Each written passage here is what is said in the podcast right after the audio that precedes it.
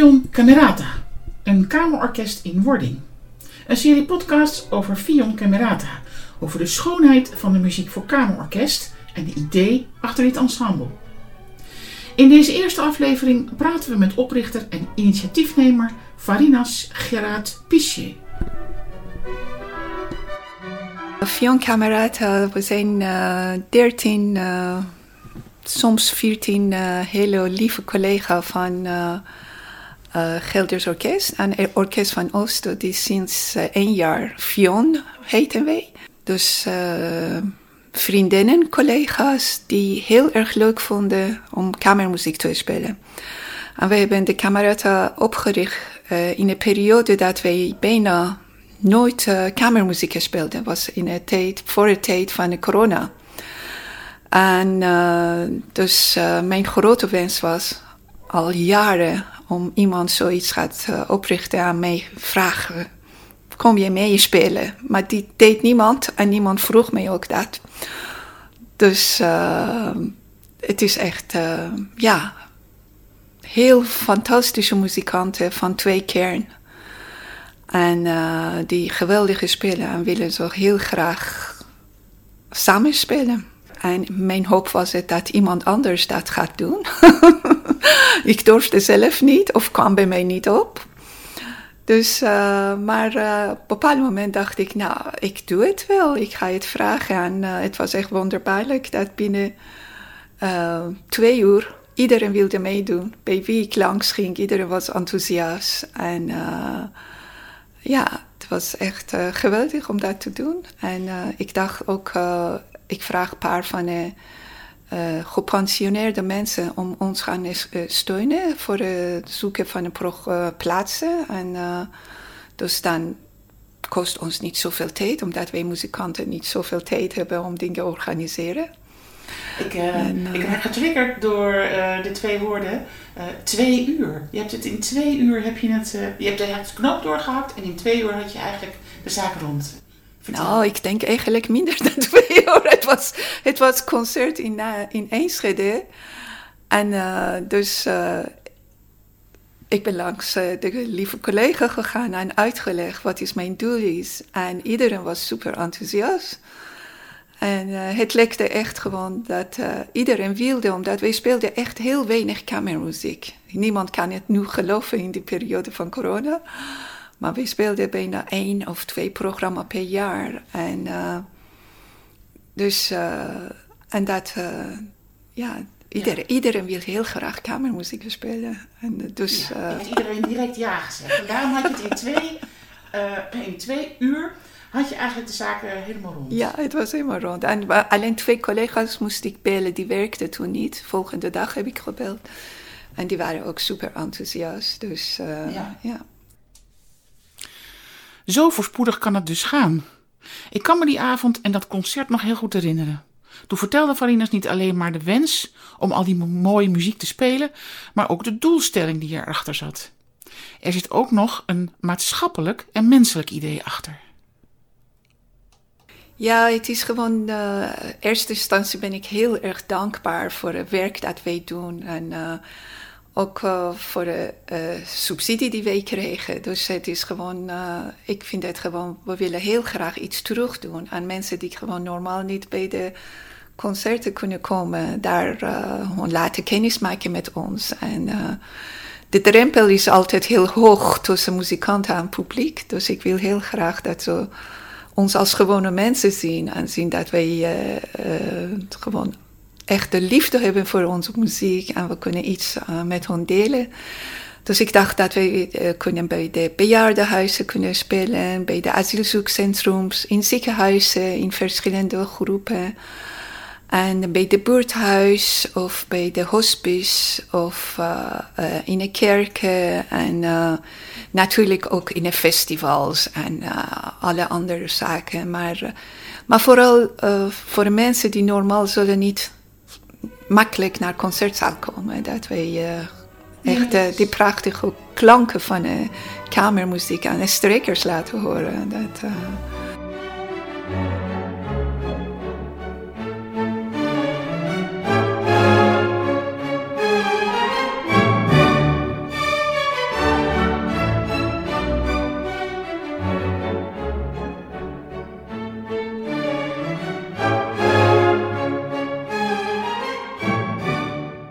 En vooral mensen die denken dat ze het niet leuk vinden, maar toch, als je eventjes gewoon uh, dat muziek horen, dan uh, je ziet het in hun ogen gebeurt iets dat uh, het is echt dat ze echt genieten. En ja. dus ja, en wij spelen niet gewoon hele moeilijke stukken. En uh, wij doen uh, mensen, collega's uh, die heel goed Nederlands spreken. dus die vertellen mooie verhalen.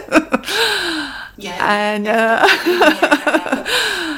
en dus dat is eigenlijk dat is het. Ja, en, dat, en, wat, wat, um, wat kunnen al die groeperingen, al die verschillende, want je, je noemt hele verschillende groepen. Wat kunnen die precies verwachten als ze Fion kameraden uitnodigen? om te komen spelen? Uh, ze kunnen uh, gewoon uh, verschillende instrumenten zien dat samen een verhaal vertellen. En, en ja, God, ik bedoel, iedereen is nou zo beeldig bezig met alle opnames aan televisie en films. Dat mensen vergeten dat het is, iedereen van ons hoort verschillende manieren muziek. En verschillende manieren ga je de muziek blijven. En bijvoorbeeld in soort asielzoekcentrum. Voor hen is het gewoon, iedereen heeft verschillende culturen, andere muzieken. Maar Mozart is altijd welkom bij iedere cultuur. Het is Bach is altijd, doet iets met alle muzieken. En, of Strauss spelen. En dat worden ze altijd vrolijk van. En, ja.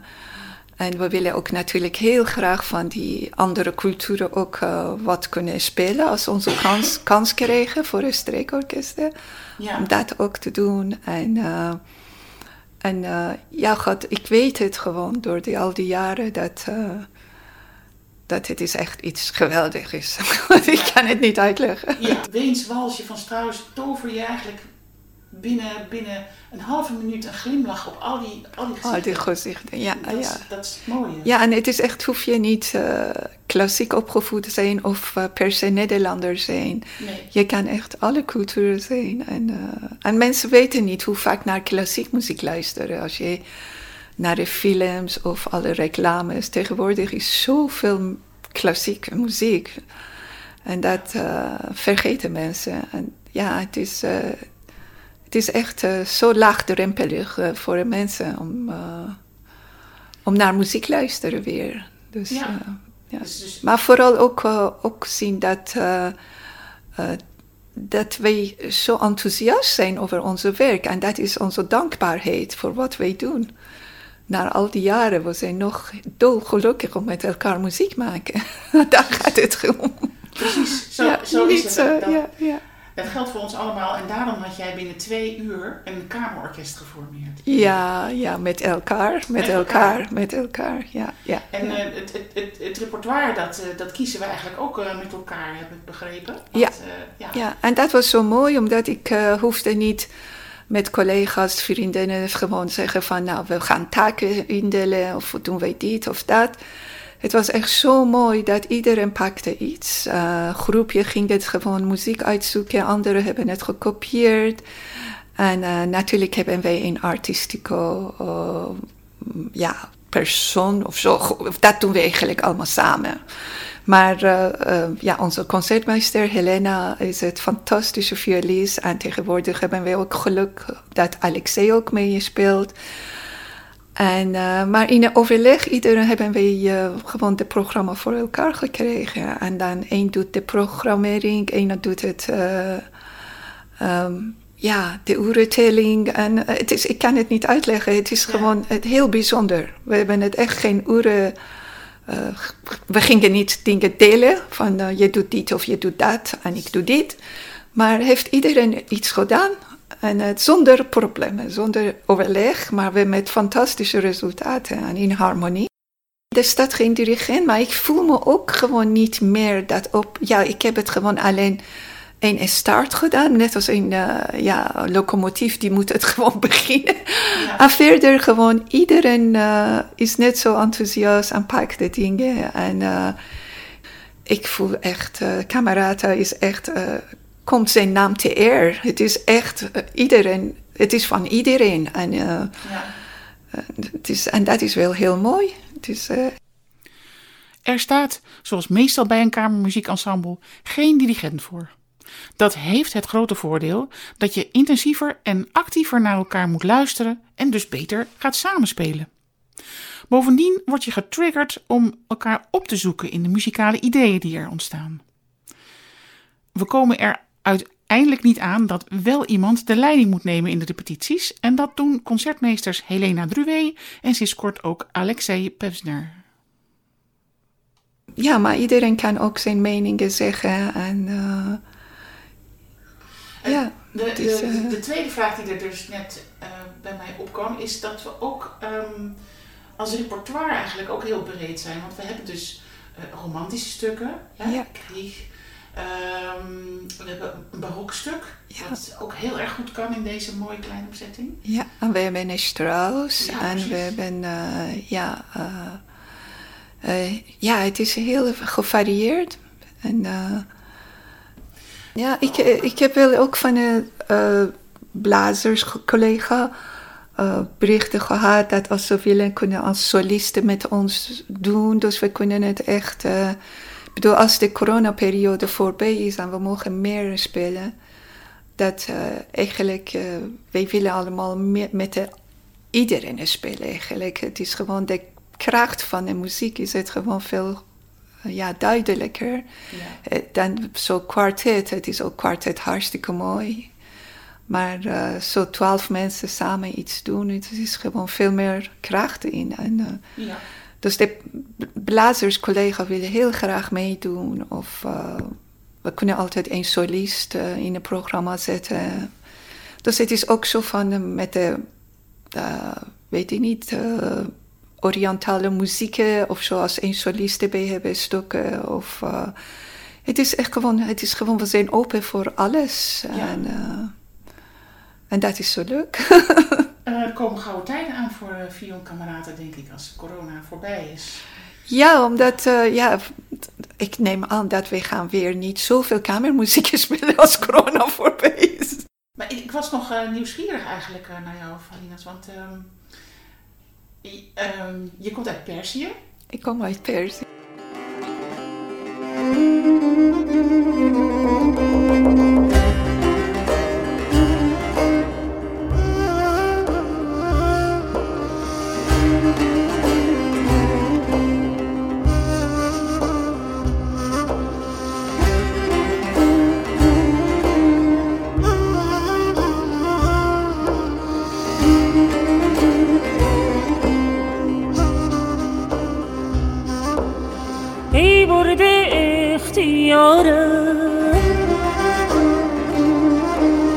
تو اختیار مایی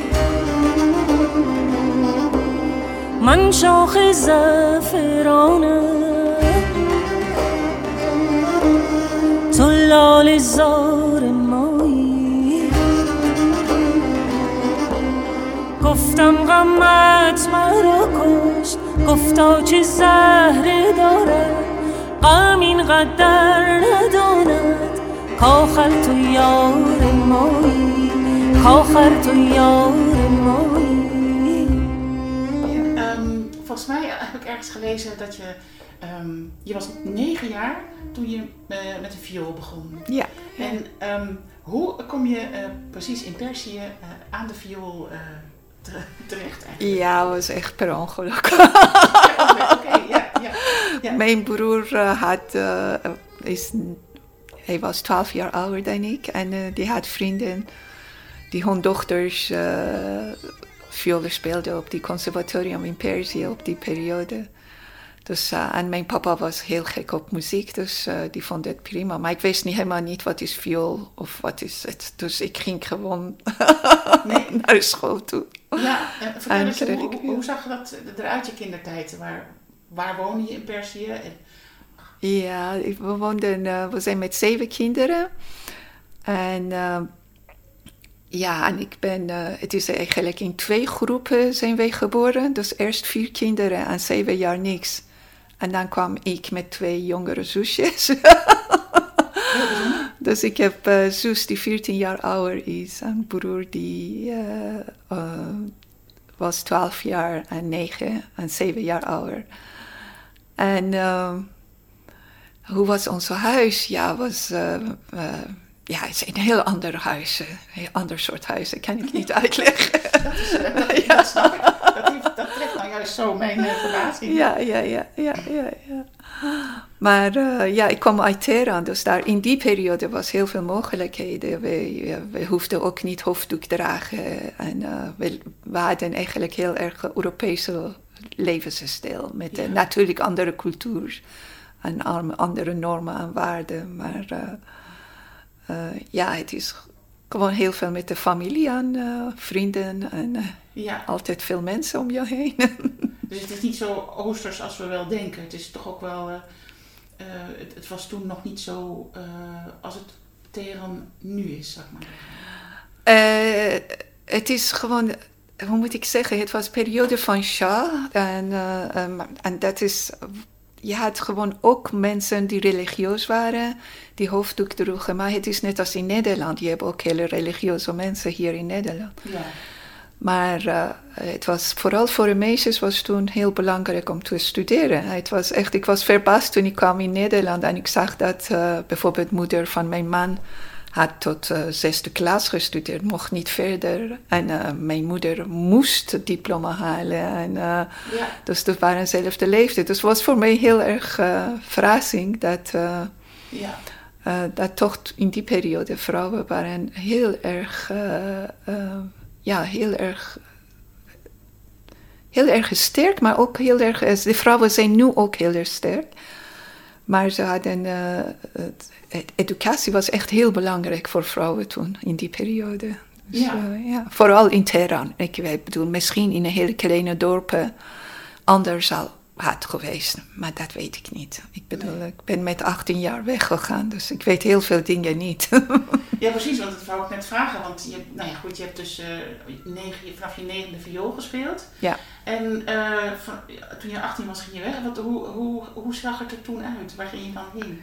Uh, het, was, het was als je tussen haakjes een beetje getalenteerd was, dan kreeg je van de regering kreeg je voor vijf jaar beurs, een studiebeurs.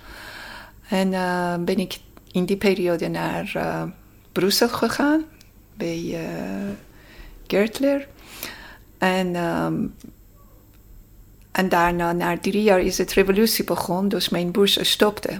Dus ik moest het gewoon zien te redden. En heb ik heel veel geluk gehad hier om te kunnen mijn studie afmaken. En dan ben ik ja, in, bij Gelders Orkest terechtgekomen in 82. Dus, uh... Kon je dan wel in die periode dat het, dat het regime omsloeg, kon je dan wel terug naar je eigen land om uh, je ouders te bezoeken?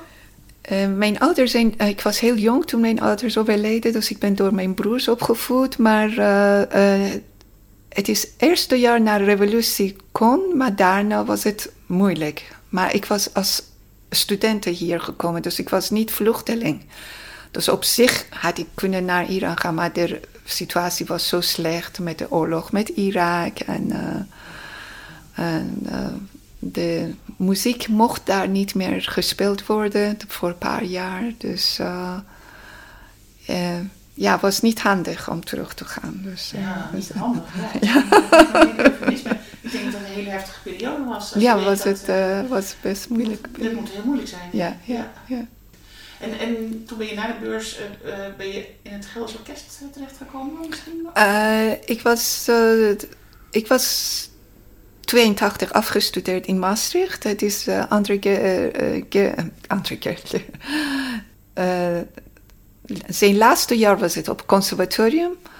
En toen ben ik met Nila Pierrot gewoon gaan studeren. En die is naar Maastricht gegaan. Die manier ben ik naar Nederland terechtgekomen. Dus ik ben uh, mijn studie in Maastricht afgerond.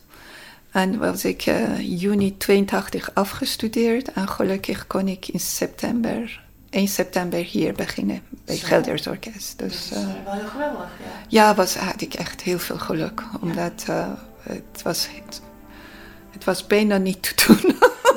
Nou ja, een beurs is lastig. Je kan niet goed terug naar je eigen land. Nee. Vanwege de, natuurlijk ook de muziek die ja, daar ja, ja, was echt, uh, nee, nee, was het. Uh, kom je toch in, uh, in een heel fijn orkest terecht in Arnhem. Ja, was echt. Een hele sfeer is ja, fijne mensen zijn. Echt een van de leukste orkesten van heel Nederland. Ja, ja. precies. Echt, zo, zo is dat. ja. En zo, eh, dat is ongeveer waar we nu zijn aangeland. Want je zit nog steeds... eh, hoe lang zit je nu bij de eerste viool in het eh Vion? Uh, Gelders Orkest op dat moment. En nu Fion is het, ik ben 82, dus dat is mijn 39ste seizoen. Dus 38, eh, zes maanden, vijf maanden. Zo, ongelooflijk. Ja. en ik vind het nog hartstikke leuk. Precies, dus, ja, ja, ja. dat is wel geweldig. Ja. En ehm, ik heb nog wel een slotvraag. Maar wat, wat vind je nou zelf de mooiste muziek om te spelen? Wat speel je het liefste? Mahler. Mahler, kun je mij midden in de nacht wakker maken? Midden in de nacht voor een, maler. Een Mahler-symfonie, ja, ja. Nou, die hebben veel gespeeld ook. Ja, gelukkig wel. Maar ik vind nog echt... eh, ik weet niet wat met mij doet, maar eh, Ja. ik vind het echt eh, fantastisch.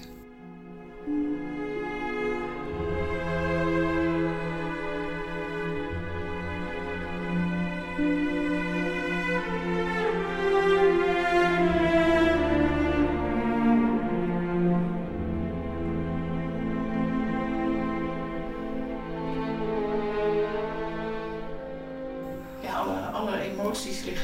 Ja, de ja, oppervlakte. ja, daar. ja, ja. Maar wel één nadeel. We kunnen met Vion Camerata waarschijnlijk geen Nee, spelen. nee, maar Brahms, daarna komt Brahms. Brahms Oké. vind ik heel leuk. Nou, dan, eh, dan heb je mij aan je zijde. Ja, ja, ja.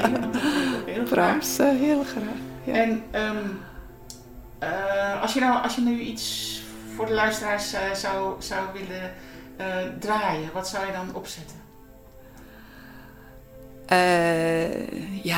Heel, heel traditioneel. Adagio van vijfde symfonie van Mahler. Oké, goed. Ik vind het prima. Ja. Ja. ik vind het wel erg En toevallig eh, hebben wij met de, kam ka- Ja, met- de kamer met kerst goed gespeeld. Ja. Als kamermuziek, eh, kamerorkestje, ja.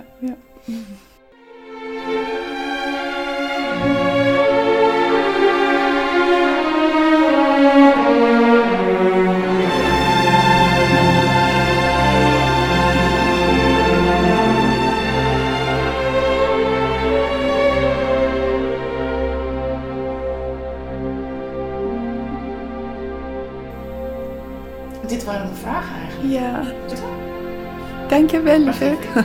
Oké, nou eh Farina, dankjewel, eh dankjewel voor je openhartige gesprek. Ja, je dankjewel. En ehm, we zien elkaar weer in de repetities. Ja, super.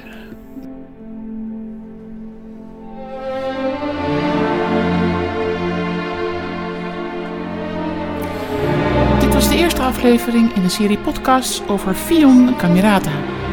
Marian van den Berg sprak met oprichter en initiatiefnemer Farinas Gerard Pichet. Productie en techniek Marian van den Berg.